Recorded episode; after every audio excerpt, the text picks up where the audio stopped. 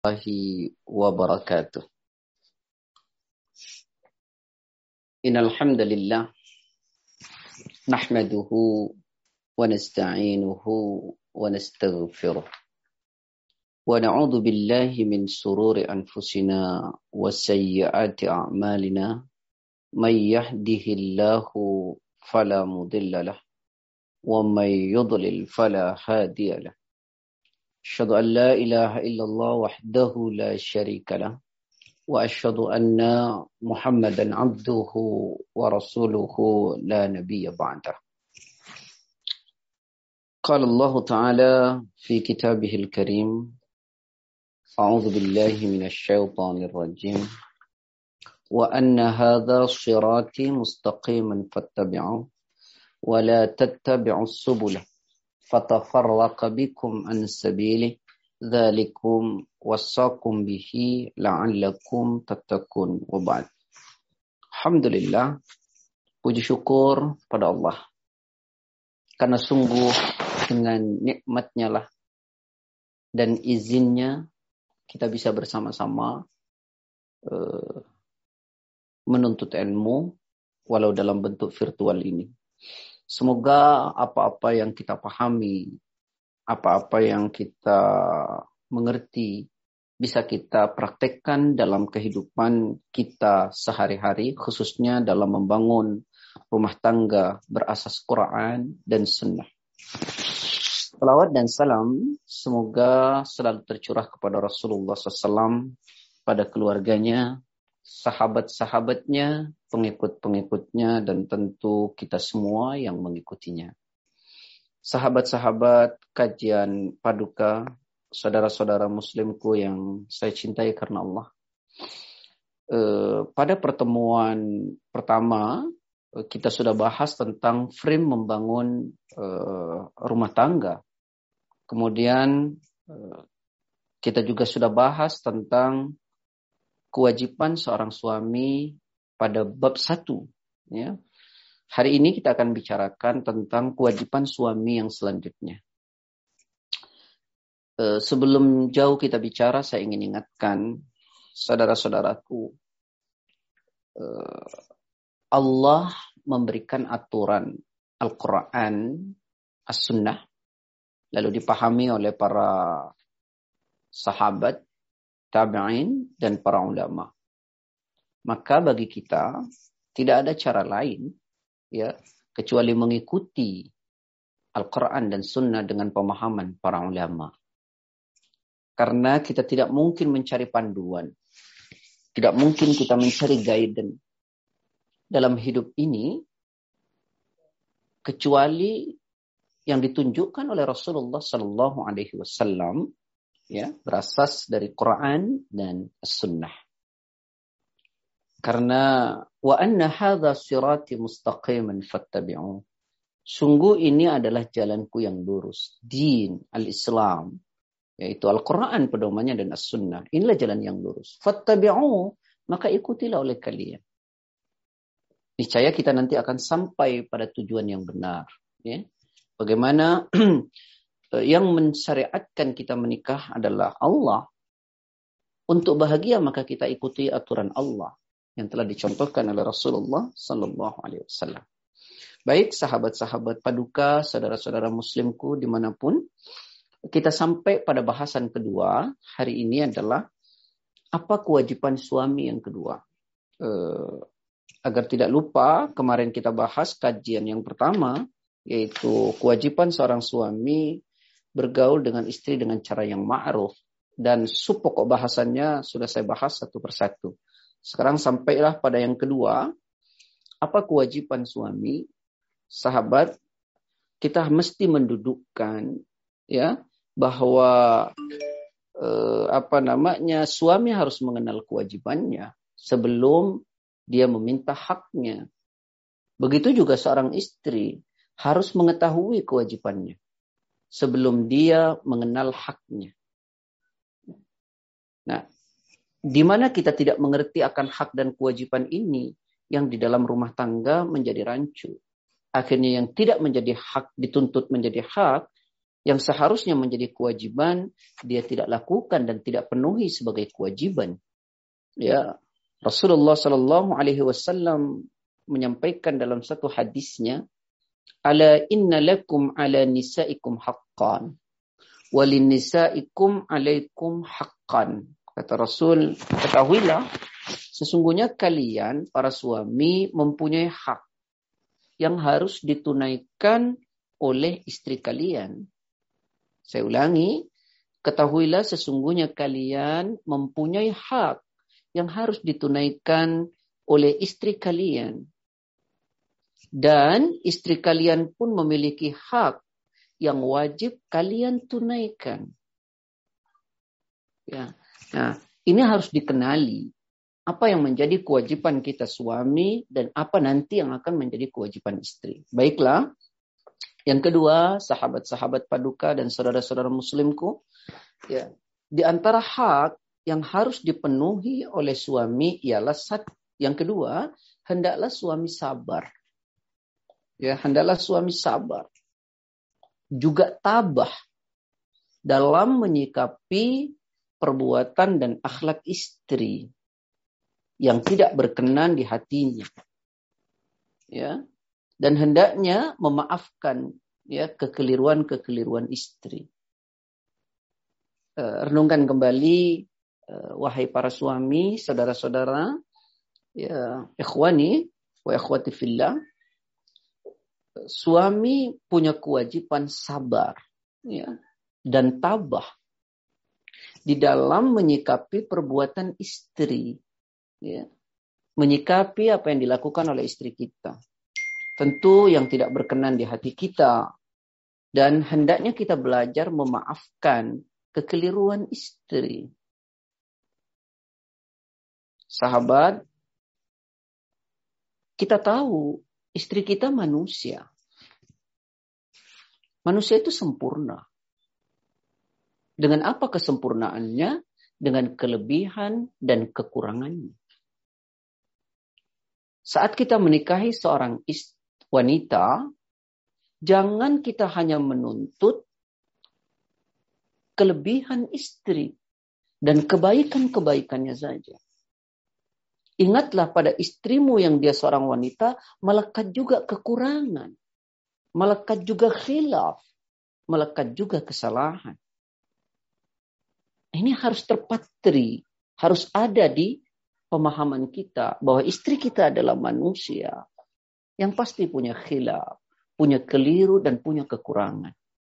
Jangan kita hanya menuntut istri kita kelebihannya, kebaikannya saja. Padahal kita tahu bahwa istri kita adalah seorang manusia. Karena itulah Rasulullah Shallallahu Alaihi Wasallam mengingatkan kepada kita, kata Rasul begini sahabat, la yafruq mu'minun mu'minatan in kariha minha khuluqan radiya minha akhar. Hadis ini diriwayatkan oleh Imam Muslim. La yafruq mu'minun mu'minatan in kariha minha khuluqan radiya minha akhar.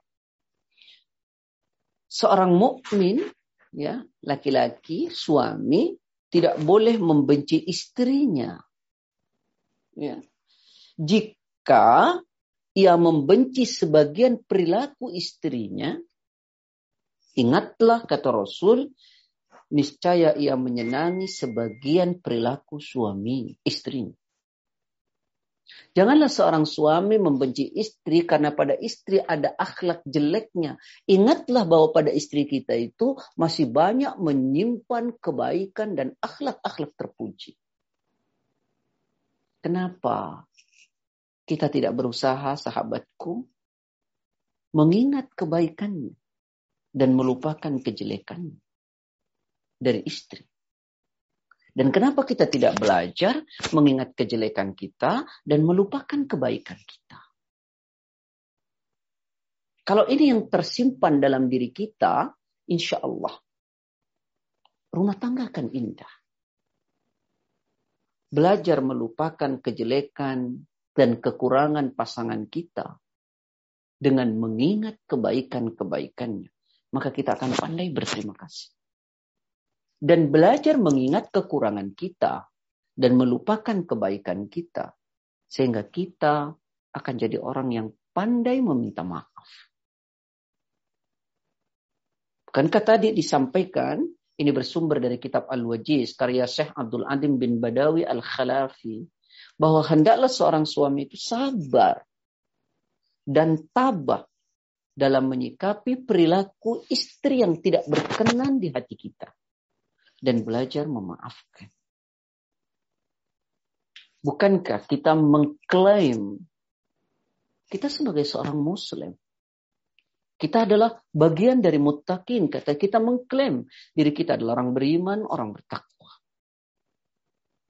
Bukankah indikator ketakwaan itu salah satunya?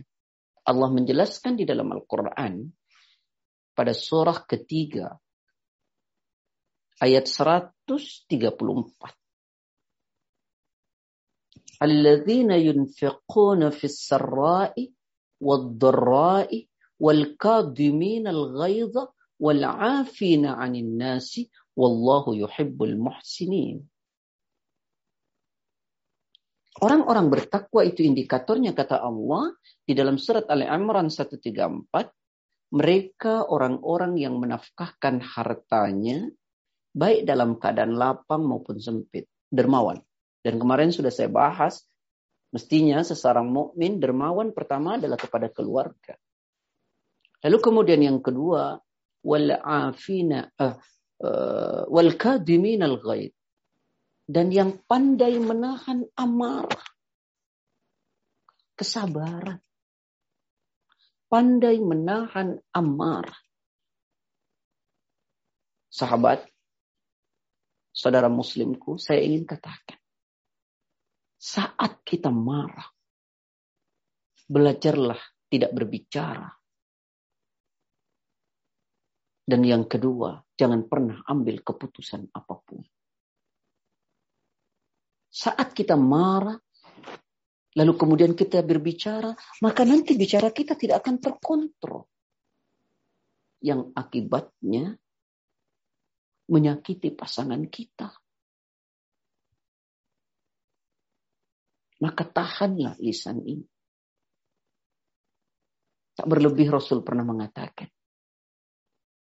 Inna abghadakum ilayya wa ab'adakum minni majlisan يوم القيامة الثرثرون والمتشدقون wal قالوا qalu walaqad alimna athartharuna wal mutasyaddikun famal المتكبرون. Qala al mutakabbirun banyak ditulis oleh ulama dalam kitab hadis. Salah satunya ditulis oleh Imam Nawawi asal Damaskus dalam kitab Riyadhus Shalihin nomor 631 berjalur dari sahabat Jabir. Orang yang paling aku benci kata Rasul. Dan orang yang nanti paling jauh tempat duduknya denganku adalah satu orang yang paling banyak bicara. Maka tahan sahabat-sahabat. Kita sabar. Kadang-kadang menyikapi istri ini butuh kesabaran yang kuat. saat dia bicara, mungkin kita harus belajar menjadi pendengar yang baik.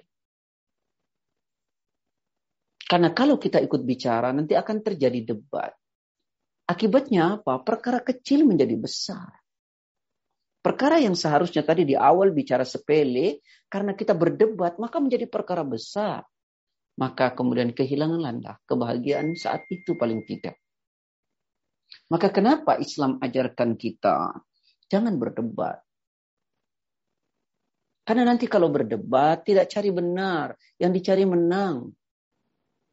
Pada hadis nomor 630-nya dari Abi Umama Al-Bahili radhiyallahu an kala kala Rasulullah SAW Rasul bersabda apa kata Rasul? Ana za'im bi baitin fi rabadil jannah liman taraka al-mira wa in kana muhiqqan. Aku jamin kalian kata Rasul dengan rumah di tepian surga. Rumah di tepian surga. Bagi siapa? Bagi orang yang meninggalkan debat. Sekalipun yang diperdebatkan adalah kebenaran. Dan kita benar. Sebab nanti akan ramai. Nah, maka di sinilah kita perlu sabar. Perlu sabar. Jangan terus menerus ada istilah, saya suami. Tidak boleh, tidak jangan. Jangan sahabatku. Belajar kita sabar terhadap perilaku, sikap istri yang tidak berkenan di hati kita. Dan berusaha memaafkan. Walaupun ini berat. Sabar dan memaafkan bukan perkara ringan. Berat sekali. Sampai ulama pernah mengatakan, As-sabru murrun fi madaqati walakin ahla awaqibuhum minal asal. Sabar itu pahit sekali rasanya. Bahkan seperti buah yang paling pahit yang ada di dunia. Siapa mau mengkonsumsinya? Tidak ada. Begitu juga kita tidak mau dihadapkan pada persoalan, pada marah, tidak ada. Tapi jika sabar, kata Rasul, kata ulama, akibat dari sabar itu jauh lebih manis daripada madu. Nah, ikhwani wa ikhwati fillah yang dirahmati oleh Allah. Mari kita renungkan kembali. Ya, sabar itu berat. Memang para suami saya dan kita semua berat sekali, berat sekali. Tapi di situlah kita dituntut. Jika kita ingin bahagia dalam rumah tangga kita. Dan ini kewajiban kita seorang suami. Sabar. Berat iya. Maka kenapa Allah katakan ya di dalam kitab as surat Quran surat As-Surah surat 42 ayat ke ayat ke-43 walaman sabara wa ghafara inna dzalika lamin azmil umur. Apa kata Allah? Akan tetapi bagi orang yang sabar, memaafkan, itu adalah hal yang diutamakan. Sabar dan memaafkan. Maka kenapa Syekh Abdul Adim bin Badawi Al-Khalafi menulis dalam kitabnya Al-Wajiz di antara hak yang harus di antara kewajiban yang harus ditunaikan oleh suami adalah dia sabar, sabar, tabah dalam menyikapi perbuatan istri. Sikap istri yang tidak berkenan di hati kita. Jangan reaktif, saudaraku. Saat ada perbuatan istri yang tidak berkenan, jangan kita langsung reaktif. Bukankah saat kita marah diajarkan? Ta'awud, mohon perlindungan kepada Allah dari syaitan. Karena itu syaitan. Berwuduklah. Kalau berdiri, duduklah. Berbaringlah. Berwuduklah. Berat Ustaz? Iya. Oleh karenanya lah Allah mengatakan di dalam Al-Quran. Bahwa sabar itu pahalanya tanpa batas. Sabar itu pahalanya tanpa batas. Ya. Dan ini Allah yang menyatakan di dalam Al-Quran bahwa kesabaran itu mengantarkan orang ya, pada pahala yang sangat luar biasa. Quran surat Az-Zumar surat 39 ayat 10. Innama yuwaffas sabiruna ajrahum bighairi hisab. Bayangkan. Allah berikan pahala ajrahum bighairi hisab. Tanpa batas. Tanpa batas. Kembali sahabat-sahabat, saudara-saudaraku yang saya cintai karena Allah. Ya, maka untuk itu bagaimana kita bersikap saat kita mengajarkan saat kita menasehati, saat kita melihat salah satu perbuatannya yang tidak benar. Rasulullah Sallallahu Alaihi Wasallam ajarkan kita. Renungkan satu hadis ini. Qala Nabi Sallallahu Alaihi Wasallam, Nabi Muhammad Sallallahu Alaihi Wasallam bersabda, استوصوا بالنساء خيرا. فإنهن خلقن من دلاء وإن أعوج ما في الدلاء أعلى. فإن ذهبت تقيمه كسرته. وإن تركته لم يزل أعوج. الله صلى الله عليه وسلم istausu bin nisa'i khairan. Ya, kata Rasulullah saling menasehatilah ya dengan cara yang baik. Dengan cara yang baik. Kenapa? Nasihatilah istri itu dengan cara yang baik. Fa innahunna karena sesungguhnya mereka para kaum wanita istri khuliqna min dila diciptakan dari tulang rusuk wa inna a'waja ma ya dan tulang rusuk yang paling bengkok itu yang paling atas. Dari situlah wanita itu diciptakan. Hadis ini. Nasihatilah dengan baik. Wanita itu diciptakan dari tulang rusuk. Dan tulang rusuk yang paling bengkok itu yang paling atas. Fa dahabta tukimuhu kaserta. Jika kau ingin luruskan, maka dia patah. Wa in lam yazal a'waj. Tapi kalau kau biarkan terus dia seperti itu, dia akan bengkok terus. Artinya apa? Wanita itu butuh pendekatan. Wanita butuh pendekatan. Butuh kelembutan. Jangan dipaksa dia, dia akan patah. Kita tahu hadis ini. Tapi sering kali kita mendahulukan amarah kita kita sering kali mengedepankan emosi kita. Padahal Rasul sudah ingatkan, istausu bin. Kita disuruh menasehati istri dengan cara yang baik. Rasulullah menganalogikan fa inna fa hunna khuliqna min dila. Karena mereka wanita itu diciptakan dari tulang rusuk. Wa inna awaja ma fid ya'ala. Dan tulang rusuk yang paling bengkok itu yang paling atas. Maka kata Rasul, fa in dahabta tukimuhu kasartah. Kalau kau ingin luruskan dia patah. Jadi pelan-pelan, butuh kesabaran, butuh ketabahan, membimbing istri. Sabar. Jangankan sama istri ya Pak ya. Saudara-saudara, sahabat-sahabat muslimku. Bahkan kepada orang lain saja kita butuh metodologi yang baik dalam menyampaikan. Bagaimana misalnya Al-Quran menjelaskan pada surat 16 ayat 125. Udu'u ila sabili rabbika bil hikmati wal maw'idatil hasanah. Ajak mereka ke jalan Rabbmu. Ajak mereka ke jalan kebaikan. Jalan kebenaran, jalan Quran, jalan sunnah, jalan Allah. Ajak mereka. Dengan apa? Bil hikmah, dengan ilmu. Wal mu'idatil hasanah dan pengajaran yang baik. Pengajaran yang baik. Butuh metodologi. Apalagi kepada istri. Coba renungkan.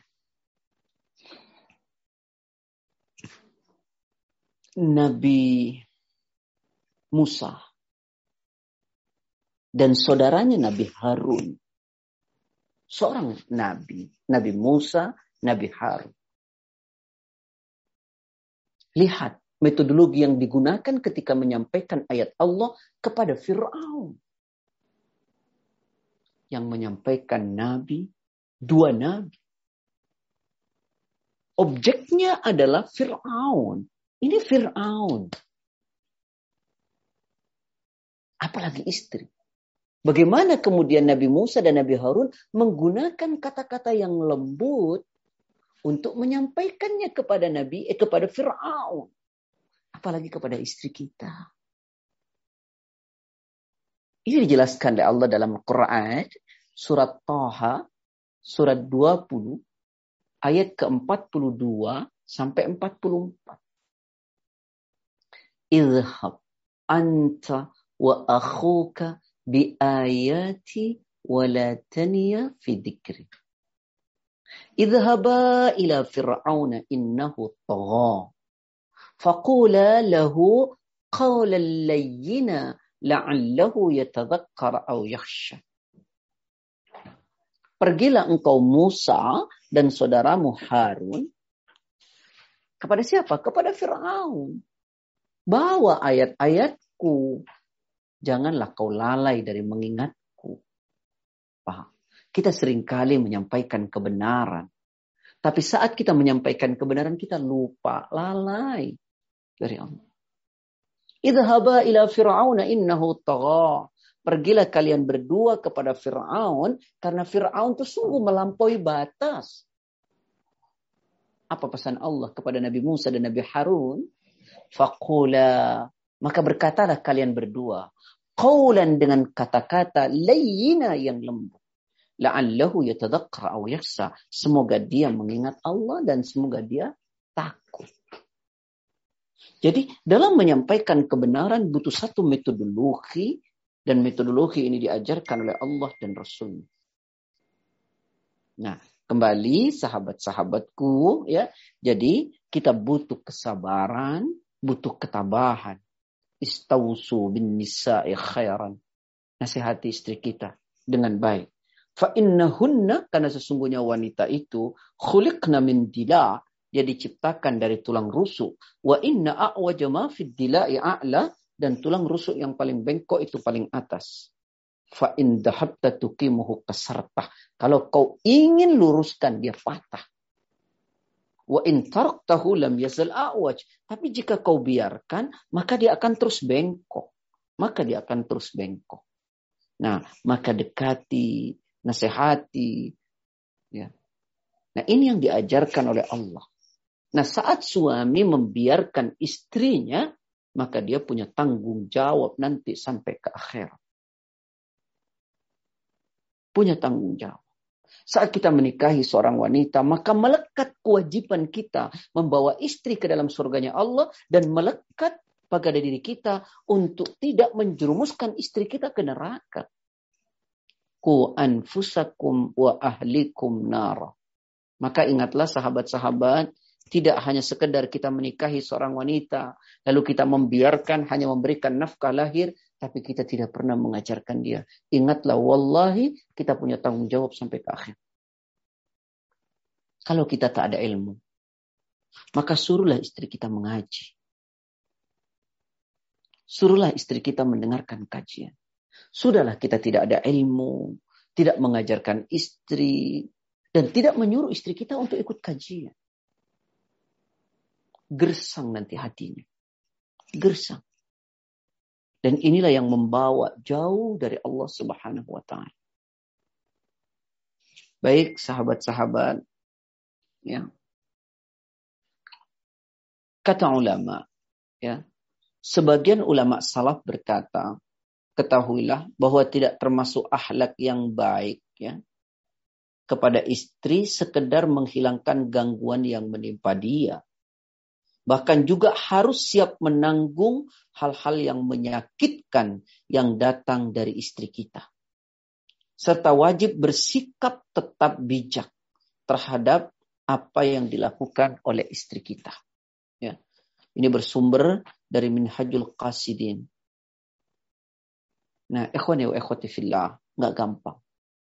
Ya, makanya kenapa akhlak itu, ya akhlak itu diutamakan. Begitu pentingnya akhlak itu, kedudukannya. Sampai-sampai Rasulullah Sallallahu Alaihi Wasallam banyak mengutarakan tentang keagungan-keagungan akhlak. Salah satunya adalah seorang sahabat bernama Nawas bin Sam'an pernah bertanya kepada Rasulullah SAW anil birri wal ismi. Ya Rasulullah, apa kebaikan itu ya Rasul? Nabi mengatakan khusnul khulu. Kebaikan itu akhlak. Bayangkan ketika kita suami kehilangan akhlak. Di awal dulu pernah saya sampaikan tentang bagaimana mencetak generasi islami. Kita pengen anak kita islami, tapi kita tidak mendahului menjadi islami. Kita ingin anak kita cinta Quran, tapi kita sendiri tidak pernah cinta Quran. Nah, ikhwani wa kalau kita ingin berakhlak, maka kita mulai akhlak itu. Ya, agungnya akhlak itu luar biasa. Sampai-sampai Rasul pernah mengatakan, akmalul mu'minina imanan ahsanuhum khuluqah. Mukmin yang paling sempurna adalah mukmin yang paling baik akhlaknya. Mukmin yang paling baik akhlak. Bahkan ketika Rasulullah Sallallahu Alaihi Wasallam ditanya oleh sahabat, hadis ini bersumber dari Abu Hurairah. Su'ilan Nabi Sallallahu Alaihi Wasallam, su'ila Rasulullah Sallallahu Alaihi Wasallam an aktsari ma yudkhilun nas al jannah. Ya Rasulullah, apa sih yang menyebabkan banyak orang dihantarkan ke dalam surga? Rasul mengatakan, kata Nabi, taqwallah. Takwa kepada Allah. Yang kedua, husnul khuluq akhlak yang baik. Akhlak yang baik. Lalu Nabi ditanya lagi, an ma nas an-nar. Apa yang menyebabkan banyak manusia masuk neraka? Nabi mengatakan, yang menyebabkan manusia masuk neraka, tolong direnungkan baik-baik. Al-fam wal farj. Yang menyebabkan manusia banyak masuk neraka adalah mulutnya dan kehormatannya. Mulut dan kehormatan. Ini yang menyebabkan banyak orang masuk neraka. Nah, sahabat-sahabat yang saya cintai karena Allah, ya, kembali, ya, eh, masuk yang ketiga sekarang. Tolong direnungkan eh, yang ketiga. Eh, kewajiban suami yang ketiga.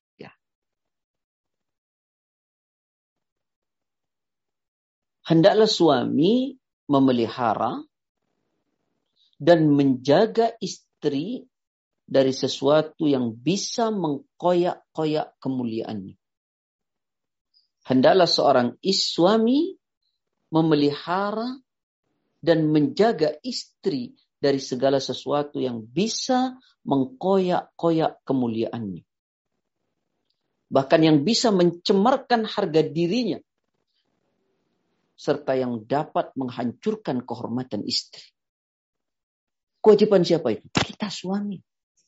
Kalau kita nanti sudah menjaga kehormatannya, ya, menjaga kemuliaannya, dan memelihara kehormatan dia, lalu dia kemudian tidak bisa, itu dosanya ada pada dia. Tapi kalau kita suami tidak menjaga kehormatannya, tidak menjaga kemuliaannya, kita membiarkan dia, dosa buat kita. Saya kasih contoh. Ini contoh sangat apa eh, banyak dibicarakan oleh orang-orang di luar. Di antara para wanita yang bercerita, para istri. Ada yang mengatakan, istri saya baik, eh, suami saya baik sekali. Suami saya sayang sekali sama saya. Kenapa? Saya mau ke mana pun, nggak ada masalah. Saya dibekali ATM, saya mau ke mana pun. Mau keluar negeri jalan-jalan. Mau makan di mana. Nggak ada masalah. Suami saya sayang sekali. Lalu kemudian istri yang lain cerita lagi. Suamiku nggak ngerti saya. Ke mana aja saya nggak boleh.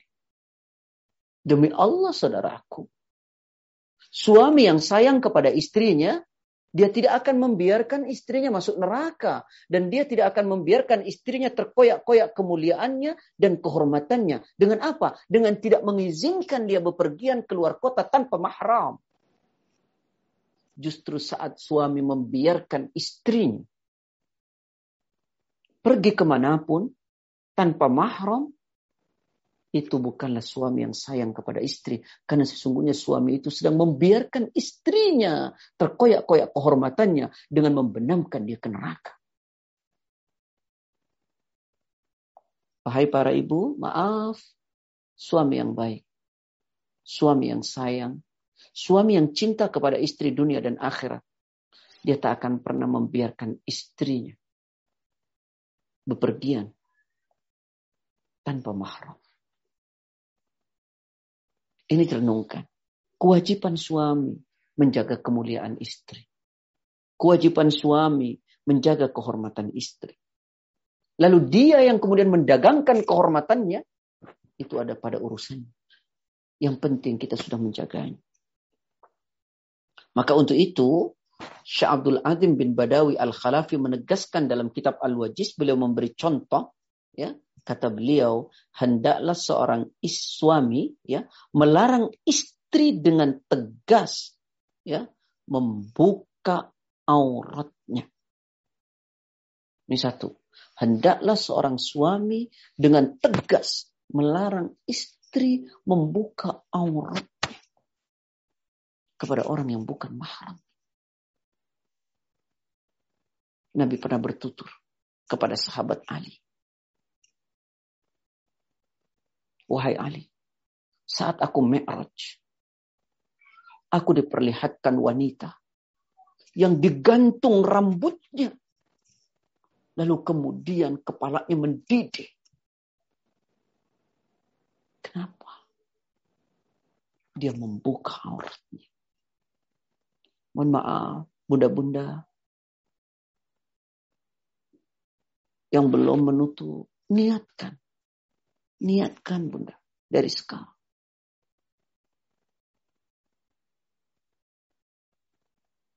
Nah, ikhwani wa ikhwati fillah. Suami hendak ajarkan ini. Ajarkan. Asma, anaknya Abu Bakar, saudara dari Aisyah. Datang kepada ke rumah Rasulullah SAW berziarah ke kakaknya.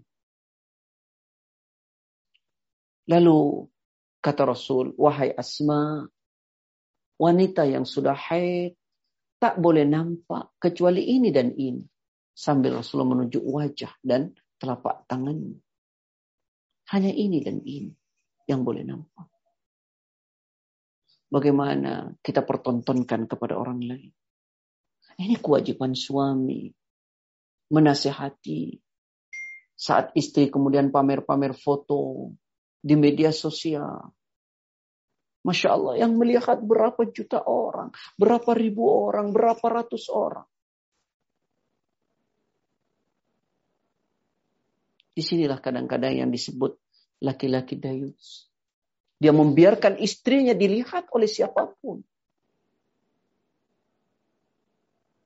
Kemudian sahabat-sahabat, hendaklah seorang suami selain melarang dengan tegas istrinya membuka auratnya. Yang kedua, hendaklah seorang suami melarang istri tabarruj. Kan ini mengkoyak-koyak kehormatan dia, kemuliaan dia sebagai seorang wanita mukmin. Dia berdanda tabarrujal jahiliyah. Dia berdandan untuk diperlihatkan kepada orang lain, bukan pada suami. Hendaklah seorang istri, suami menasihatinya. Ya, memperlihatkan kecantikannya kepada orang lain. Apalagi kemudian yang ketiga. Hendaklah seorang suami menjaga kehormatan istri, menjaga kemuliaan istri. Dengan apa? Melarang istrinya ikhtilaf bercampur baur dengan laki-laki yang bukan mahram.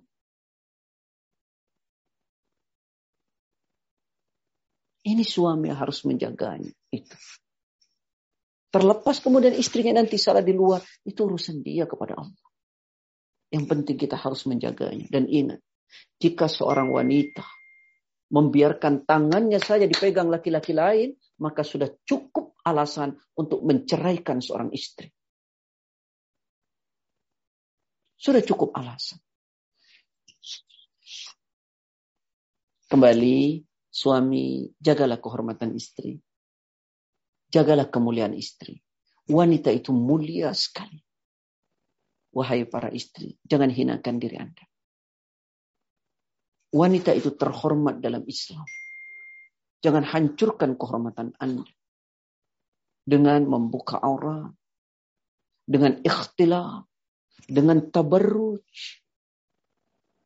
Mari kita jaga.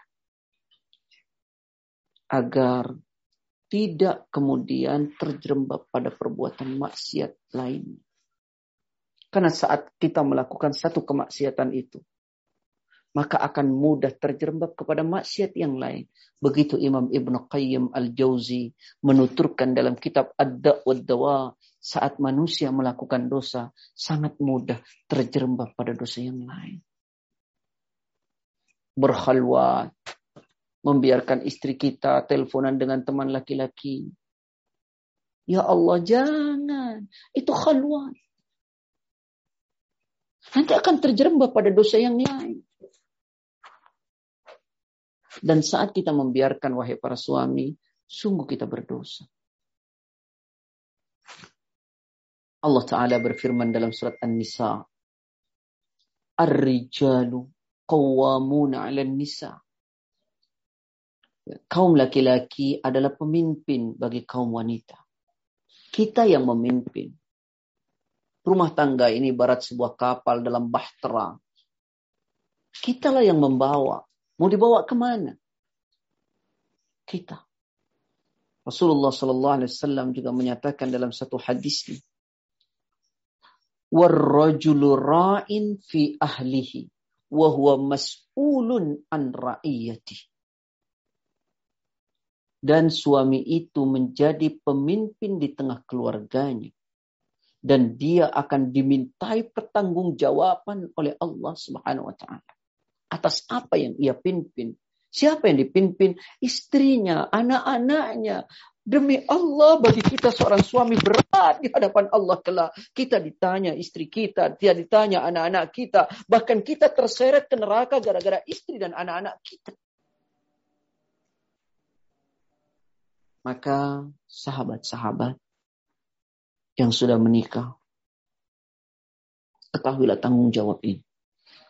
Bagi yang belum menikah, persiapkan diri Anda dengan ilmu untuk ajarkan istri dan anak-anak kita kelak. Baiklah, agar tidak nanti kelamaan karena ada kewajiban istri juga ya, mungkin pada season selanjutnya. Yang keempat, kewajiban suami yang keempat. Hendaklah suami mengajari istrinya masalah-masalah agama paling tidak yang mendasar ya yang dibutuhkan ya dalam kehidupan sehari-hari. Ya, kalau kita tidak mengerti, tidak tahu, maka izinkan istri datang ke majelis-majelis ilmu. Ya, izinkan. Karena ini kewajiban buat kita. Saat istri kita tidak mengerti agama, apa yang dia akan ajarkan kepada anaknya? Padahal ibu al-umum madrasatul ula. Ibu itu adalah sekolahan pertama buat anaknya. Saat istri kita tidak mengenal agama, tidak mengerti agama, bagaimana dia akan menjadi istri yang salehah? Bagaimana dia akan mampu menjadi ibu yang baik untuk mendidik anak-anaknya? Maka ajarilah istri itu agama. Kalau begitu, maka kita harus mengerti agama terlebih dahulu. Kalau kita tidak mengerti, izinkan dia belajar. Izinkan dia duduk di majelis-majelis ilmu. Allah Ta'ala mengatakan dalam Quran pada surat At-Tahrim, surat ke-66 ayat ke-6. Ya ayuhalladina amanu, ku anfusakum wa ahlikum nara. Wa kuduhan nasu wal hijarah. Ya ayuhalladzina amanu hai orang-orang yang beriman. Ku anfusakum. Jagalah diri kalian, diri kita dulu. Wa ahlikum dan keluargamu dan termasuk keluarga kita adalah istri. Naro dari api neraka. Wa kuduhan nas wal hijara dan yang bahan bakarnya adalah manusia dan batu. Manusia dan batu. Maka ajarkanlah istri kita soal agama anak kita soal agama. Kalau tidak izinkan dia belajar keluar. Ilmu ini menjadi panglima. Ilmu ini menjadi penuntun. Kalau tidak ada ilmu, mau dituntun dengan apa? Saat istri tidak mengerti agama, bagaimana dia akan menjadi istri saleh? Dia tidak mengenal haknya, dia tidak mengenal kewajibannya. Kalau istri kita juga tidak mengenal agama, bagaimana dia akan didik anak-anaknya menjadi anak yang saleh dan saleh? Lihat, Nabiullah Ismail alaihissalam dididik oleh seorang wanita luar biasa bernama Siti Hajar alaihas. Siti Hajar. Dengan penuh keterbatasan di Mekah, tapi dia mampu didik Ismail menjadi generasi handal. Al-ummu madrasatul ula. Ibu itu sekolahan pertama buat anak-anaknya. Nah kalau tidak ada dia ilmu, bagaimana cara dia mengajarkan? Apa yang akan dia ajarkan? Kita ini kadang-kadang, ibu, bapak, kita begitu risau dengan urusan dunia terhadap anak dan istri kita. Tapi kita tidak pernah risau terhadap istri dan anak kita dalam soal urusan agama. Kita takut betul saat sekolahnya dalam urusan dunia tidak berhasil. Tapi kita lupa anak kita sudah bisa ngaji atau tidak. Anak kita sudah bisa baca Quran atau tidak. Sholatnya benar atau tidak. Kita cuek.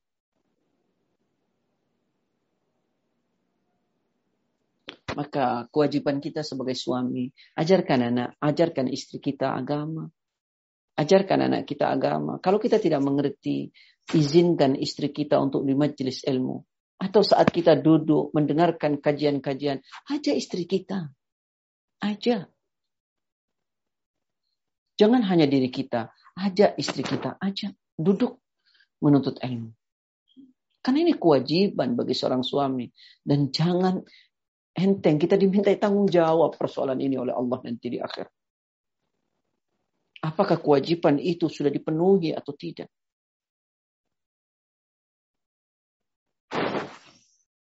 Kemudian yang kelima, kewajiban suami yang kelima. Ini mohon maaf ya, parasit agak cepat ya karena waktunya malam ya, sudah. Ya. apa-apa ya, karena panjang sekali. Kewajiban ya. suami yang kelima adalah hendaklah suami ya menyuruh istri dan anak-anak kita melaksanakan agama. Jadi tidak cukup hanya ajarkan agama, tapi pantau melaksanakan agama. Coba deh, Anda mau tanya. Pak Rashid. Ya, Ustaz. Berapa pekan sekali antum mendudukkan istri dan anak antum? Antum berikan pemahaman soal agama. Sekali, Ustaz. Alhamdulillah masih ada. Ya. Kadang-kadang saya berpikir orang di sebuah perusahaan hanya untuk pergi itu meetingnya berkali-kali. Tapi kita ingin menciptakan anak kita, membangun rumah tangga. Rasanya kok kita tidak punya waktu untuk berbicara itu dengan istri dan anak-anak kita. Padahal kita hanya untuk jalan-jalan aja persiapannya begitu sangat luar biasa. Ini berjalan ke akhirat yang sangat panjang. Seperti kita tanpa persiapan. Padahal ketika seorang sahabat bertanya kepada Rasulullah, "Ayyul mu'minina akyas?" Ya Rasulullah, mukmin seperti apa yang paling cerdas ya Rasul? Kata Nabi, "Aktsaruhum lil maut dzikran wa ahsanuhum lima ba'dahu isti'dadan." Yang kedua adalah mereka yang paling baik mempersiapkan untuk perjalanan panjangnya di akhirat sana. Apa? Kita pengen nanti di sorga bersama istri dan anak-anak kita. Tapi kita tidak mempersiapkan tik tiket untuk kita dan keluarga kita ke surganya Allah. Cukupkah kita tahu kalau Anda mau ke surga, begini, begini, begini. Oh, kalau Anda mau masuk ke situ, ini tiketnya. Tapi tidak pernah dibeli tiketnya. Kita ajarkan agama anak kita, kita ajarkan istri kita agama, tapi kita tidak pantau mempraktekkan atau tidak. Nah, maka ajarkan agama. Maka yang kelima, kata Syekh Abdul Adim bin Badawi ala Khalafi, pantau mempraktekkan agama.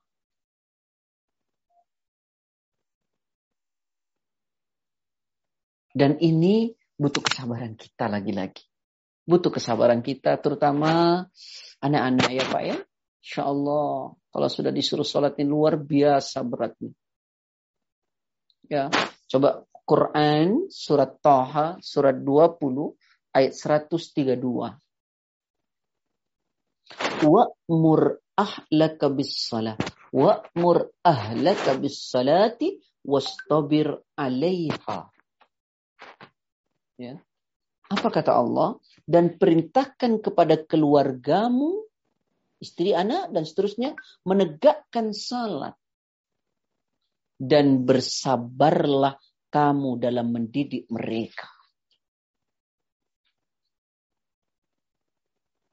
Maka Pak, Bu, jemaah yang saya cintai karena Allah. Kita kadang-kadang suruh anak kita salah. Coba direnungkan. Pernah nggak kita melihat cara wudhu anak kita? Kita lihat nggak sholat anak kita? Kita hanya suruh. Tapi kita tidak lihat.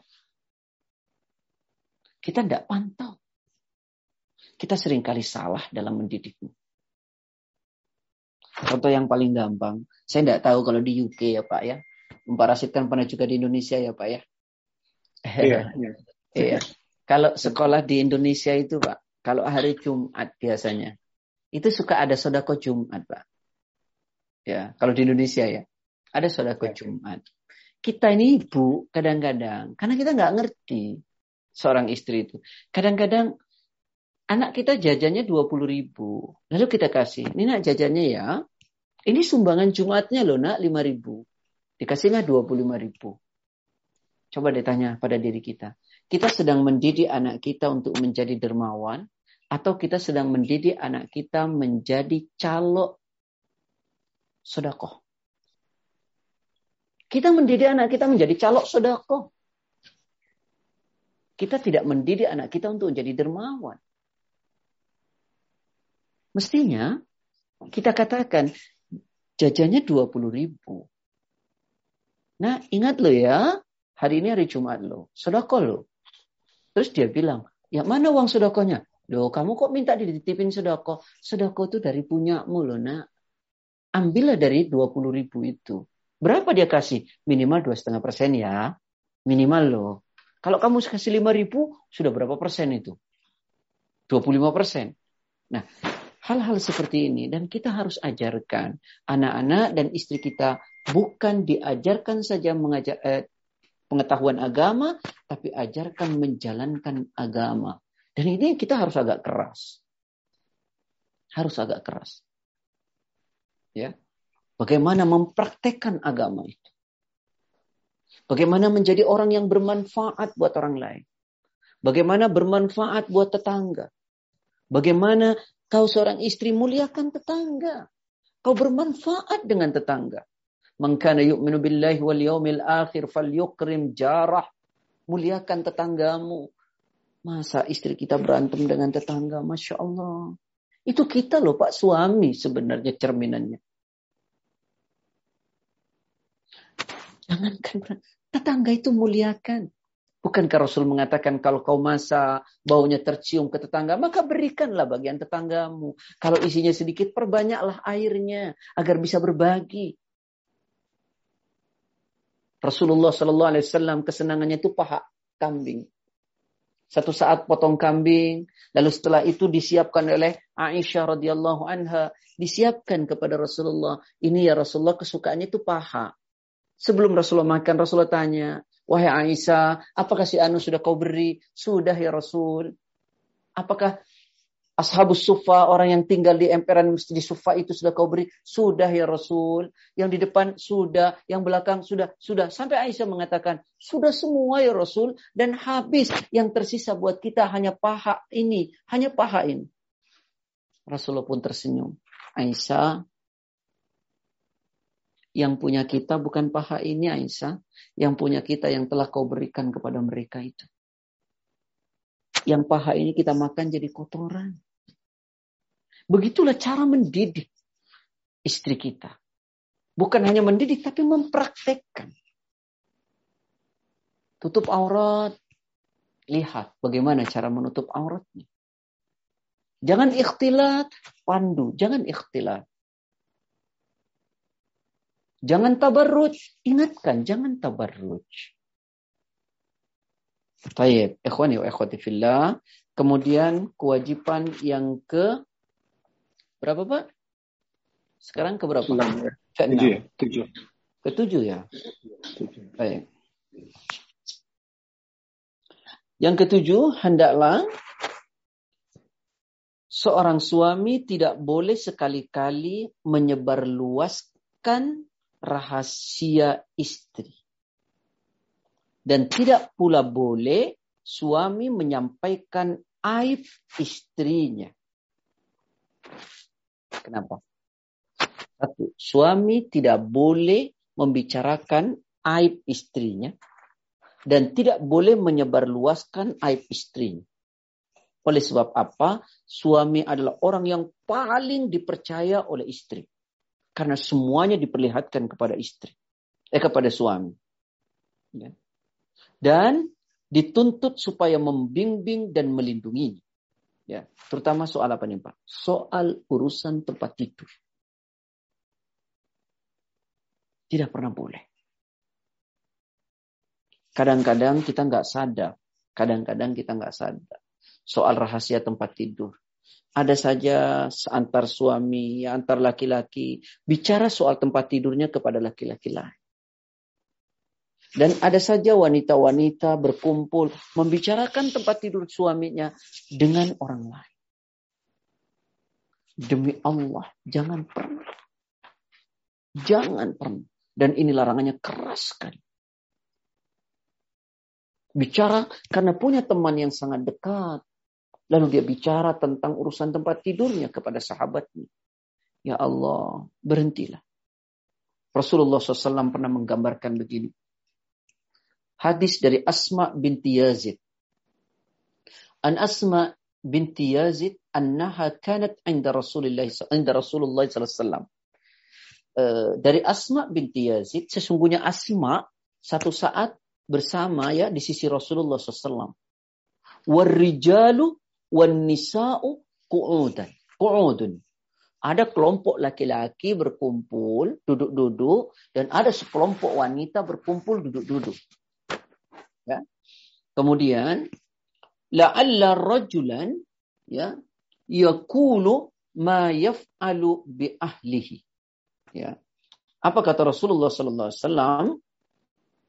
Kata Rasulullah, la'alla rajulan yakulu ma yaf'alu bi ahli. Barangkali ada di antara kalian wahai para laki-laki ya yang bercerita membicarakan apa yang kalian lakukan dengan istri di tempat tidurnya. Jadi Rasulullah, adakah di antara kalian barangkali ada di antara kalian wahai para laki-laki yang berbicara urusan tempat tidur dengan istrinya kepada teman-teman. Lalu Rasulullah berkata lagi, "Wala'alla imra'atun Ya, wala'alla imra'atan tukhbiru bima fa'alat ma'a. Kata Rasulullah begini. Mungkinkah ada seorang wanita yang membeberkan kepada orang lain apa yang dilakukannya, dialaminya dengan suaminya di tempat tidur? Jadi suami Rasulullah bertanya kepada sekumpulan laki-laki, wahai kaum laki-laki, adakah di antara kalian yang membicarakan apa yang kalian lakukan dengan istrinya? Wahai perempuan, adakah di antara kalian yang saling mengabarkan dan memberitahu kepada temannya tentang apa yang kau lakukan dengan suaminya di tempat tidurnya? Maka fa'arammul qaum. Apa ini? Fa'arammul qaum itu artinya mereka diam seribu bahasa. Tidak ada yang tidak ada yang bicara. Ketika Rasulullah tanya itu. Fakultu, kata Asma. Lalu aku berkata, I wallah ya Rasulullah. Betul demi Allah ya Rasulullah ya innahunna la yaf'alna sesungguhnya di mereka ada yang melakukan itu. Mereka saling berbicara. Ya? Wa innahum la yaf'alun. Dan sesungguhnya mereka laki-laki juga melakukan itu. Mereka bercerita di antara mereka laki-laki dan mereka antar perempuan. Apa kata Rasulullah? Qala. Rasulullah katakan kepada mereka Fala taf'alu. Jangan pernah kalian lakukan. Jangan pernah kalian lakukan. Fa innama dzalika kata Nabi. Sesungguhnya apa yang telah kalian lakukan itu mithlu syaitani seperti syaitan laki-laki laqiya bertemu syaitanatan dengan setan perempuan fitorikin di tengah jalan fagosyaha lalu dia melakukan senggama wan nasu durun dan orang-orang menyaksikan. Bayangkan Rasulullah umpamakan orang-orang yang saling bercerita tentang urusan rahasia di tempat tidurnya kepada orang lain seperti setan laki-laki dan seperti setan perempuan yang melakukan senggama di tengah jalan dan orang-orang menyaksikan. Artinya dia memaparkan segala rahasianya. Nah ini tidak boleh. Wahai para suami, ya ingat biasanya, biasanya nih mohon maaf ya, saya tidak tahu nih para suami. Biasanya ya teman-teman yang suka membeberkan rahasia dan kejelekan itu suami, eh istri oleh suami, biasanya kalau dia mau selingkuh. Jeleknya diceritakan kepada orang lain. Agar dia dapat perhatian dari orang lain. Atau yang istrinya dua, jangan pernah ceritakan kejelekan istrimu kepada istri yang lain, dan istri yang lain dijelekan kepada istri yang lain. Sama sekali tidak boleh. Tidak boleh. Nah, sahabat-sahabat, saudara-saudaraku yang saya cintai karena Allah. Sekarang yang keberapa Pak? Ke sembilan. Oh ke delapan. Baik, yang ke delapan. Saya kayak pengen cepat-cepat selesai. Panjang betul kajian kitab ini. Iya. Penting Ustaz, penting. Ya. Yang ke delapan, ya. Kewajiban suami yang ke delapan, ini ini salah satu yang sering terabaikan oleh kita ya Pak ya suami hendaklah bermusyawarah dengan istrinya dalam beberapa urusan. Ya, terutama persoalan-persoalan yang secara khusus menyangkut e, mereka berdua tentu suami istri dan menyangkut anak-anak. Demi apa? Mengikuti contoh Rasulullah Sallallahu Alaihi Wasallam. Ini agak anu kita nih kadang-kadang merasa pemimpin begitu ya merasa pemimpin sehingga kita tidak perlu membicarakan kepada istri. Ya, padahal uh, Syekh Abdul Azim bin Badawi Al-Khalafi beliau menuliskan dalam kitabnya hendaklah seorang suami bermusyawarah dengan istrinya dalam urusan apa? Berdua suami istri, urusan anak-anak. Ya, kenapa? Ini bisa ini contoh dari Nabi Muhammad wasallam. Ya, ada contoh yang sangat uh, luar biasa, ya. Eh, pada waktu perjanjian Hudaybiyah, perjanjian Hudaybiyah itu kan haji yang tidak jadi, Pak ya.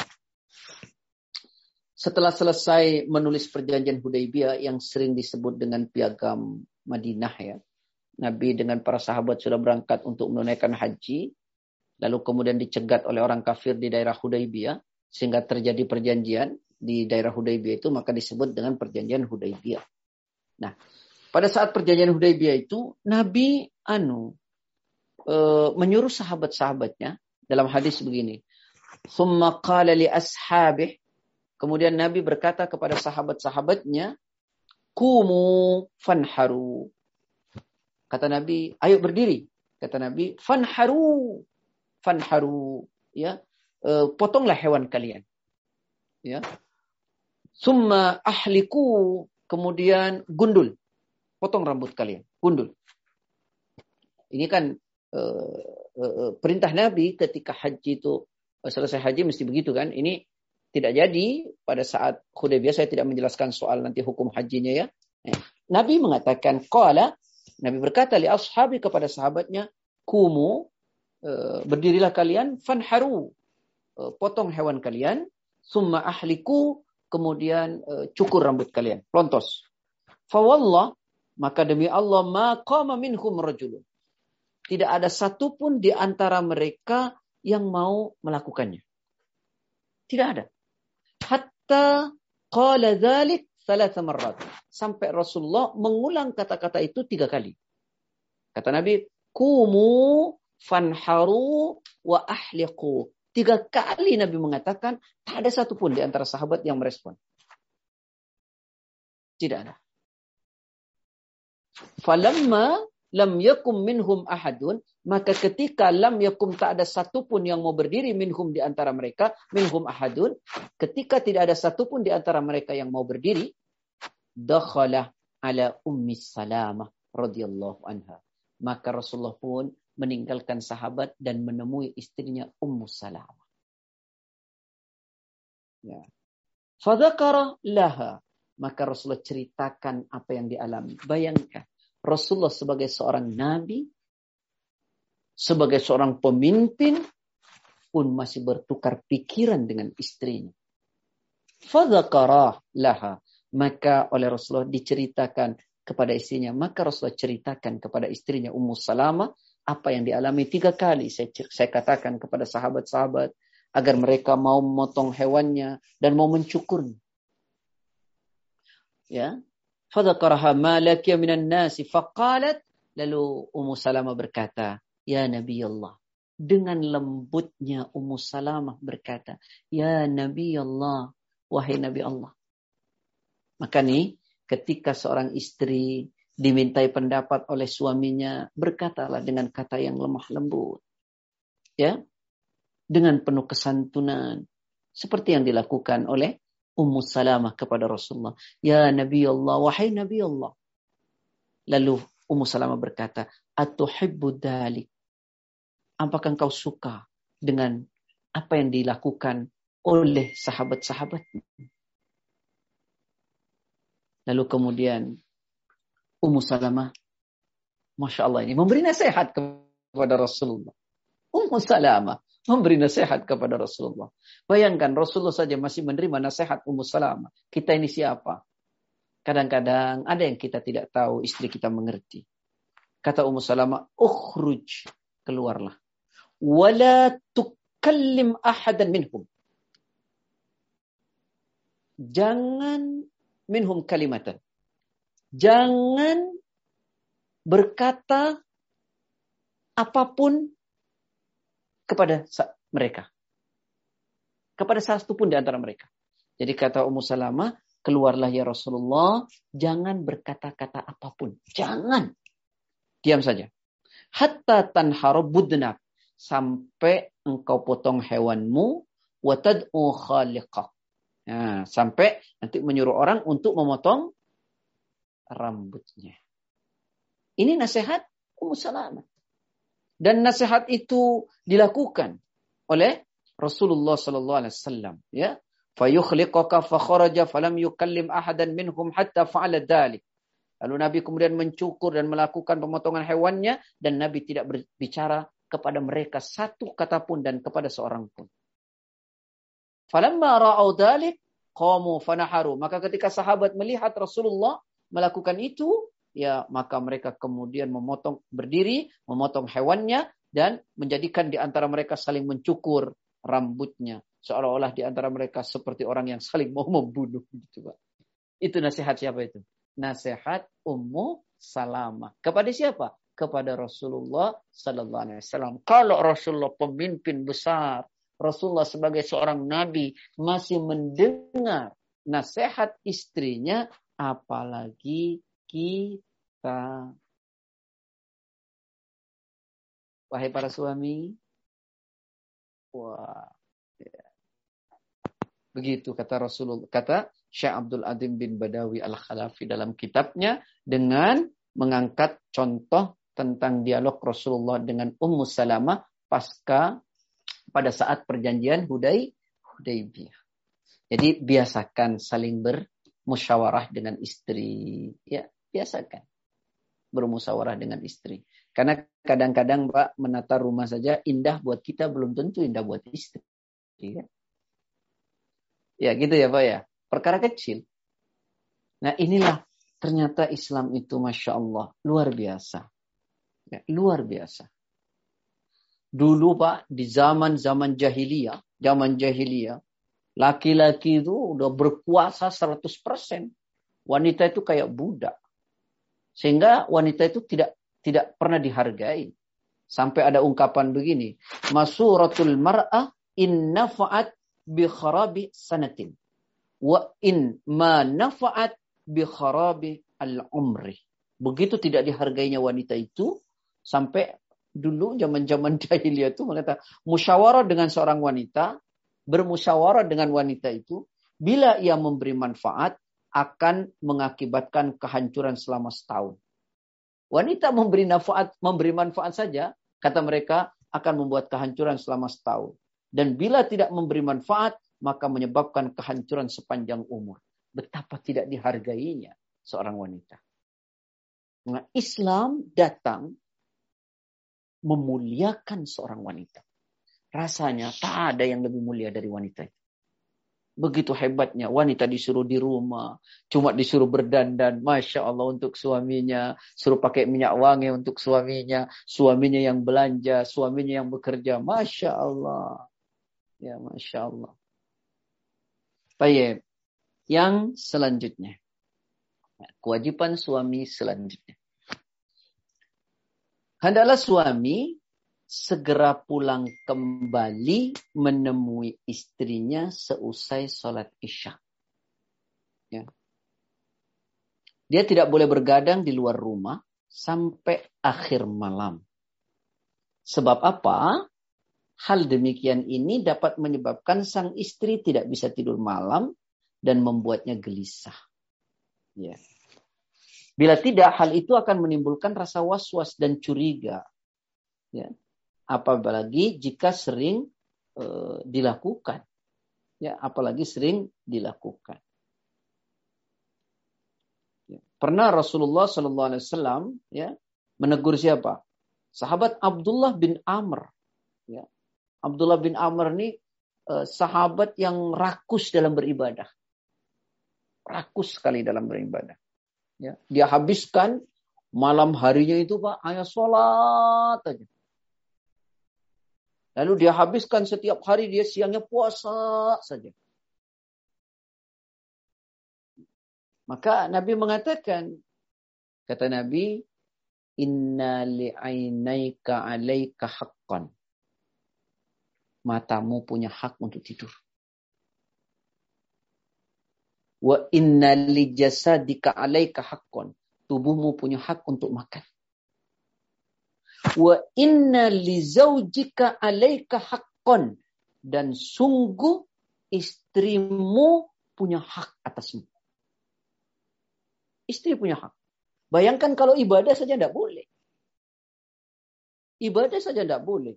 Apalagi e, melakukan sesuatu yang tidak bermanfaat. Hanya nongkrong, begadang setiap malam. Begitu ya. Tidak memberitahu istri, ini membuat istri gelisah, cemas, gitu ya. Nah, ini kewajiban bagi seorang suami. Kewajiban bagi seorang suami. Suami itu wajib itu memberitahu. Ya, jangan membiarkan istrinya dalam keadaan gelisah, tidak bisa tidur, ya, karena menunggu kita yang tidak ada kabar. Memang tak ada kewajiban izin, tapi kita memberitahu kepada istri. Ya. Memberitahu agar istri kita tidak eh, apa namanya? tidak gelisah karenanya. Ya, tidak gelisah karenanya. Wa inna li zaujika 'alaika haqqan. Jadi pasangan kita tuh punya hak dari diri kita. Baik ya, jangan habiskan waktu di luar rumah ya, jangan habiskan waktu di luar rumah. Baik, yang terakhir ya Pak ya. Yang terakhir, kalau punya istri dua. Eh, maksud saya istri lebih dari satu. Ini yang punya. Atau nggak usah disampaikan karena nggak ada ya. Tapi penutup saja ya. Uh, ya, penutup Pak. aja. Kalau punya itu kalau ada yang punya istri lebih dari satu, hendaklah berlaku adil. Hendaklah berlaku adil. Kenapa kata Nabi? Qala Nabi sallallahu alaihi wasallam Nabi sallallahu alaihi wasallam bersabda, "Man kana lahu imra'atan" siapa punya dua istri, famala ila ihdahuma dunal ukhra, jaa yaumal qiyamati wa shikkuhu ma'ilun. Apa kata Rasulullah? Hadis ini diriwayatkan oleh Imam Nasai dari dan Imam Ibnu Majah. Ya. Qala Nabi SAW, Nabi SAW bersabda, Man kana lahu imra'atan, barang siapa memiliki dua istri, famala ila ihdahuma dunal ukhra, lalu dia mengutamakan salah satu dari keduanya, tanpa memperhatikan yang lainnya, Ja'a yaumal qiyamah maka dia akan datang nanti di hari kiamat wasyikuhu ma'ilun ya separuh anggota tubuhnya miring apa itu namanya kalau bahasa orang Inggrisnya sengkle ya Pak. sengkle itu setruk di akhirat namanya itu. Nah, jadi kata ibu-ibu, makasih Pak Ustadz, jadi suami nggak mau nikah lebih dari satu, saya takut sengkle. Iya, ya Bu ya. Jadi bapak-bapak yang mau menikah lagi kata Rasul man kana lahu imra'atan siapa punya dua istri famala ila ihdahuma dunal ukhra lalu dia mementingkan mengutamakan satu dan mengabaikan yang lain jaa yaumal qiyamah maka dia akan datang di hari kiamat wasyikuhu ma'ilun anggota tubuhnya separuh miring. Jadi setruk di akhirat. Mau setruk di akhirat, Pak. Di dunia ya tak elok. Apalagi setruk di akhirat. Ini selesai kewajiban suami. Nanti masuk kepada bab tiga yaitu kewajiban istri. Ya, kewajiban Baik. istri jauh lebih banyak. Jauh lebih banyak. Baik. Masya Allah. Jadi kita uh, untuk kewajiban suami kita uh, dua dua kajian mungkin untuk yang kewajiban untuk istri itu bisa empat ya Ustaz. bisa empat bagian nanti. Saya tulis buku Pak, 250 kesalahan seorang istri. 250, oh, banyak sekali ya. Uh, jadi mengerikan nih. Tapi Ustaz, kita langsung masuk tanya jawab nih Ustaz kalau diperbolehkan. Monggo. Baik, uh, ini ada beberapa yang sudah masuk ke yang meniti pertanyaan. Jika ada yang ingin bertanya langsung silahkan raise hand, nanti kita akan persilahkan. Baik, uh, pertanyaan pertama nih Ustaz. Bismillahirrahmanirrahim. Assalamualaikum Ustaz. Afwan uh, izin bertanya. Jika seorang, seorang istri saat menginginkan memiliki anak lagi, tapi suami tidak mau dengan alasan sudah memiliki dua anak, laki-laki dan perempuan, Alhamdulillah. Lalu apa yang harus dilakukan istri? Apakah tetap berdoa meminta diberikan anak lagi atau mematuhi keinginan suami dan tidak tidak pernah membahas lagi mengenai anak? Jazakallah khair. Uh, saya ingin sampaikan wahai suami, ya, wahai ayah, wahai suami, Rasulullah menyampaikan begini. Ya. Idza matal insan jika manusia meninggal in qatu amaluhu illa min thalathatin putus semua amalnya kecuali tiga. Yang pertama adalah min sadaqatin jariyatin, yaitu sedekah jariyah. Kalau kita punya banyak uang, Pak, kita bisa sedekah. Yang kedua wa ilmin yuntafa'u ilmu yang bermanfaat. Kalau kita punya banyak ilmu. Wa waladin dan anak soleh yang mendoakan. Wahai suami, wahai istri, apa yang kita harapkan ketika kita wafat? Saat kita sudah dikubur. Tidak ada sahabat. Tidak ada yang bermanfaat. Apa yang kita harapkan? Doa anak kita. Kenapa takut punya banyak anak? Bukankah Rasulullah mengagumkan orang yang banyak anak? Apa yang mau kita harapkan nanti di akhirat? Di alam kubur. Innal qabra awwalu manzilin min manazilil akhirah wa in naja minhu fama ba'daha aisar wa illam yanju fama ba'dahu asyad. Kubur itu adalah persinggahan pertama. Kalau berhasil nanti lebih gampang selanjutnya. Kalau tak berhasil lebih mengerikan. Siapa yang kita harapkan? Doa anak-anak kita. Sodako jariah, ilmu bermanfaat, anak saleh. Kalau kita punya harta, kita sudah kohkan menjadi sodako jariah. Kalau kita punya ilmu, ilmu kita ajarkan menjadi ilmu manfaat. Kalau tidak dua-duanya ada anak. Hmm? Ada anak yang soleh yang akan mendoakan. Maka wahai suami, berbahagialah. Punya anak. Berbahagialah. Tambah anak, berbahagia. Jangan kau bunuh anak-anakmu karena kau takut miskin. Akulah yang memberikan rizki untukmu dan untuk anak-anakmu. Akulah yang memberikan rizki untukmu dan untuk anak-anak. Allah yang berjanji. Ibu, sampaikan kepada suami dengan lembut. Berdoalah kepada Allah. Semoga Allah membuka hati suami. Ajak juga kajian. Allahu a'lam. Alhamdulillah. Uh, saya lanjutkan pertanyaan berikutnya. Uh, Bismillahirrahmanirrahim. Pak Ustadz, uh, terkait dengan terkait dengan menutup aurat uh, menggunakan jilbab, uh, bagaimana hukum memakai jilbab untuk wanita yang berumur 70 tahun tetapi masih sehat? Apakah boleh melepas jilbabnya, Ustaz?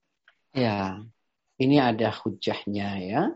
Jika tidak ada keinginan lagi untuk menikah, jika tidak lagi bersolek, ya. Tapi jika menutup itu lebih baik.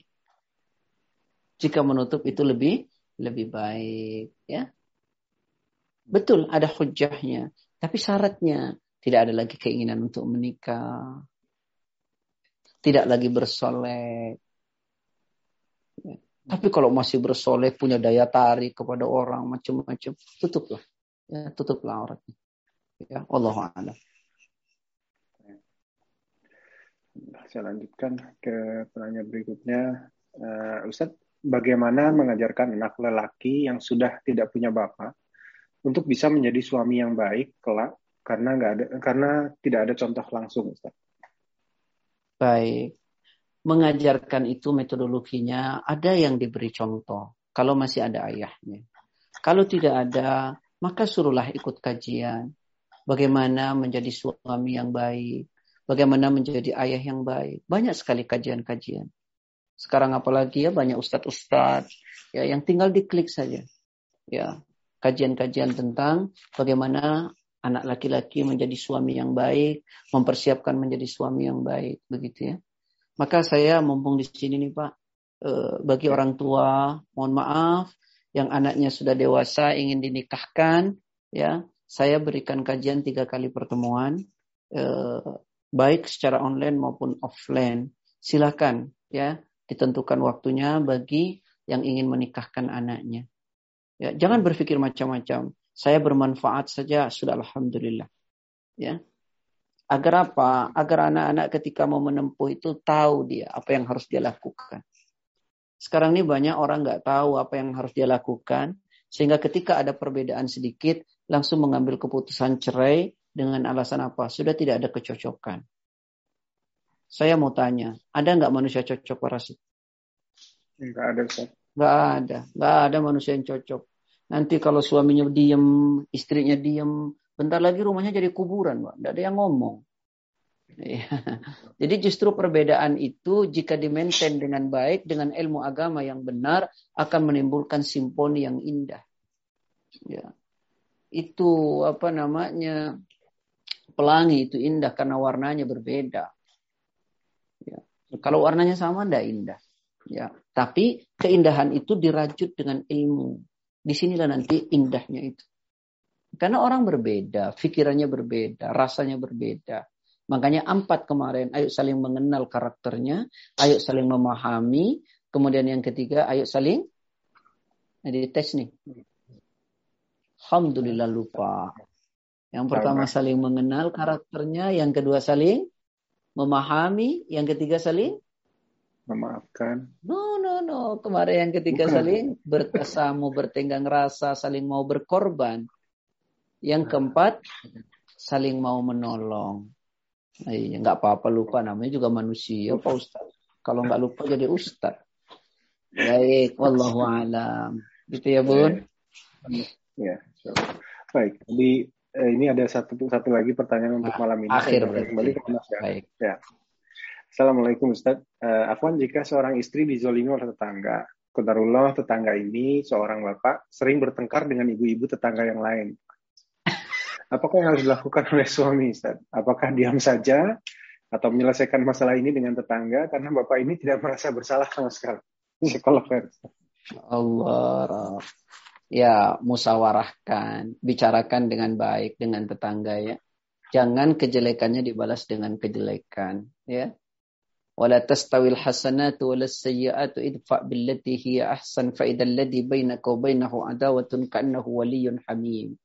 Kata Allah, tidak sama kebaikan dan keburukan, maka balaslah keburukan itu dengan cara yang lebih baik. Sehingga orang yang ada permusuhan antaramu dan antaranya, seolah-olah sudah jadi teman yang dekat. Quran surat 41 ayat 33 dan 34.